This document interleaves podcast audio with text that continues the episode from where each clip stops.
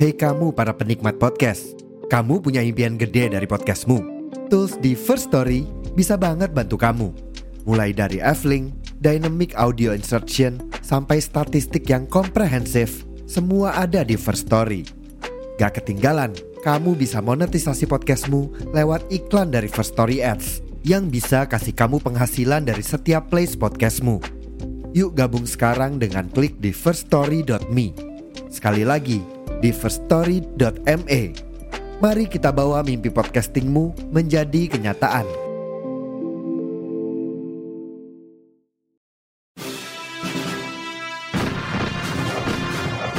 Saya berbicara di sini sebagai penyambung lidah rakyat Indonesia.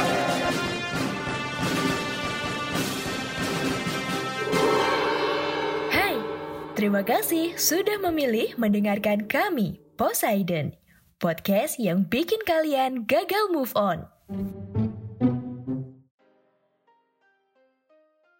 Halo sobat masa lalu, kita ketemu lagi di Poseidon, podcast sejarah Indonesia di konten History for Life. Yang kali ini saya mau bahas tentang isu yang masih hangat, yaitu tentang pengakuan kedaulatan Indonesia oleh Belanda dan pengembalian 472 artefak yang sejak era penjajahan itu disimpan di Belanda.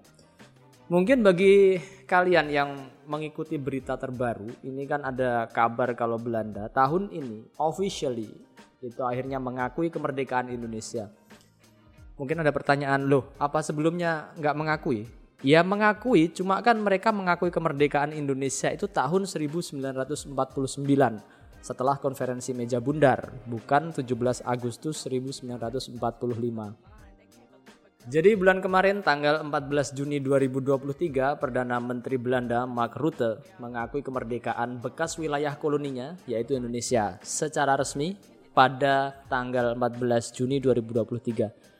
Pengakuan ini menandai babak baru ya dalam pemahaman sejarah Belanda itu terhadap revolusi kemerdekaan di Indonesia. Dan ya pengakuan ini akhirnya mengakhiri sikap ngeper dari pemerintah Belanda. Maksudnya ngeper itu gimana? Jadi secara resmi Belanda sebelum tahun ini itu nggak mengakui kemerdekaan Indonesia tanggal 17 Agustus. Tapi sejak tahun 2005 secara nggak resmi Menteri Luar Negeri Belanda Ben Bot itu pernah menyatakan pemerintah Belanda menerima kenyataan bahwa Indonesia memang merdeka 17 Agustus 1945 dan sudah menghadiri perayaan kemerdekaan di depan Istana Negara. Mungkin kita bertanya-tanya, di era damai seperti sekarang, apa susahnya sih mengakui kemerdekaan?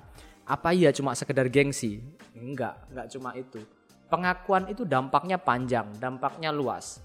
Kalau mereka mengakui 17 Agustus 1945 Indonesia itu sudah merdeka, berarti peristiwa kekerasan selama revolusi fisik antara 1945 sampai 1949 itu masuk dalam kategori kejahatan perang dan konsekuensinya Belanda harus memberikan ganti rugi kepada Indonesia. Ini yang kemudian jadi persoalan ya. Terus kalau tahun ini Belanda mengakui, mereka mau nggak ganti rugi? Nah ini yang jadi perdebatan. Tapi kalau dilihat-lihat sih kayaknya enggak ya. Belanda mengakui kemerdekaan Indonesia itu sebatas mengakui aja dan nggak mau masuk sisi legalistik dari kekerasan yang mereka lakukan selama periode revolusi fisik. Loh kok begitu? Ya, ya iyalah. Mereka juga nggak mau rugi kan dengan membayar triliunan rupiah buat ganti rugi. Karena pasti gede banget biaya yang harus dikeluarkan.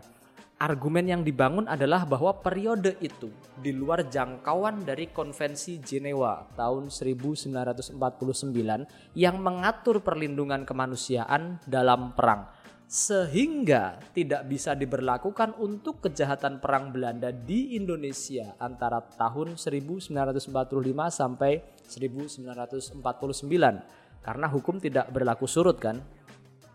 Jadi pengakuan kedaulatan ini lebih ke arah moral daripada yuridis.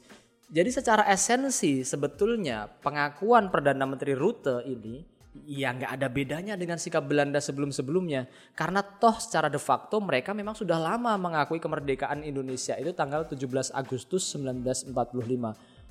Mungkin untuk mengingatkan kita ya atau bagi yang belum ngeh dengan peristiwa ketika itu, sekilas kita lihat apa yang dilakukan Belanda selama periode 45 sampai 49. Jadi sebulan semenjak Soekarno memproklamasikan kemerdekaan Indonesia 17 Agustus 1945, serdadu Belanda, tentara-tentara Belanda itu masuk kembali ke Indonesia di bawah bendera tentara sekutu Inggris. Kedatangan serdadu Belanda itu kemudian membuat situasi tegang dan juga penuh kekerasan.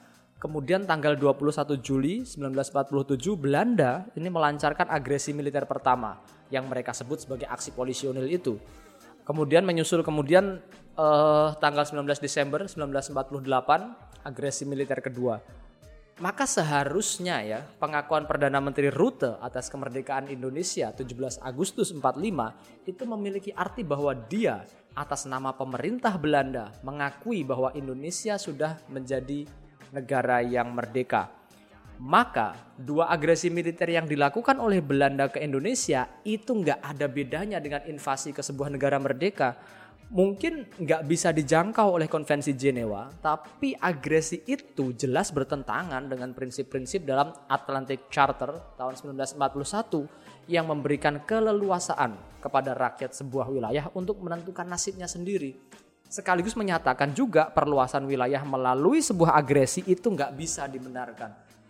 Dua agresi itu juga melanggar piagam PBB tentang hak asasi manusia yang ditetapkan pada 10 Desember 1948 atau 9 hari sebelum Belanda menyerang Indonesia.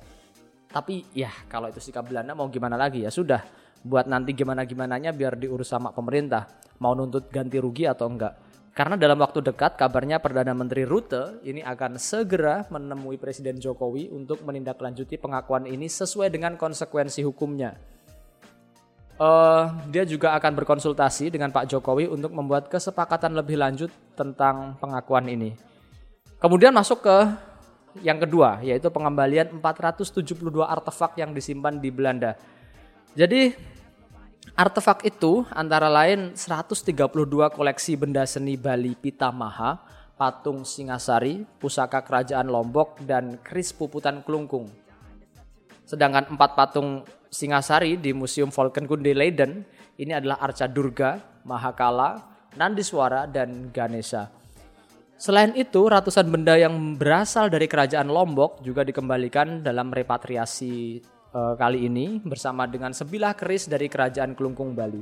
Soal repatriasi ini ya, tentu kita sambut baik dan memang sudah seharusnya seperti itu. Cuma yang jadi persoalan, apakah museum kita ya itu memiliki kapasitas untuk mengelola benda-benda itu tadi. Dirjen Kebudayaan Pak Hilmar Farid itu mengakui kita memang masih punya keterbatasan soal pengelolaan itu dan sangat sedikit museum yang benar-benar proper yang bisa mengelola benda bersejarah. Karena ya gimana ya perawatan benda-benda dari masa lalu ini kan rumit dan biayanya nggak sedikit, biayanya mahal. Sementara anggaran untuk sektor itu harus diakui memang belum cukup. Perawatan batu misalnya itu kan nggak sembarangan. Pembersihan kontrol suhu dan lain-lain itu kan detail banget salah satu yang sudah siap menampung itu adalah museum nasional. Cuma museum nasional kan juga terbatas kapasitasnya.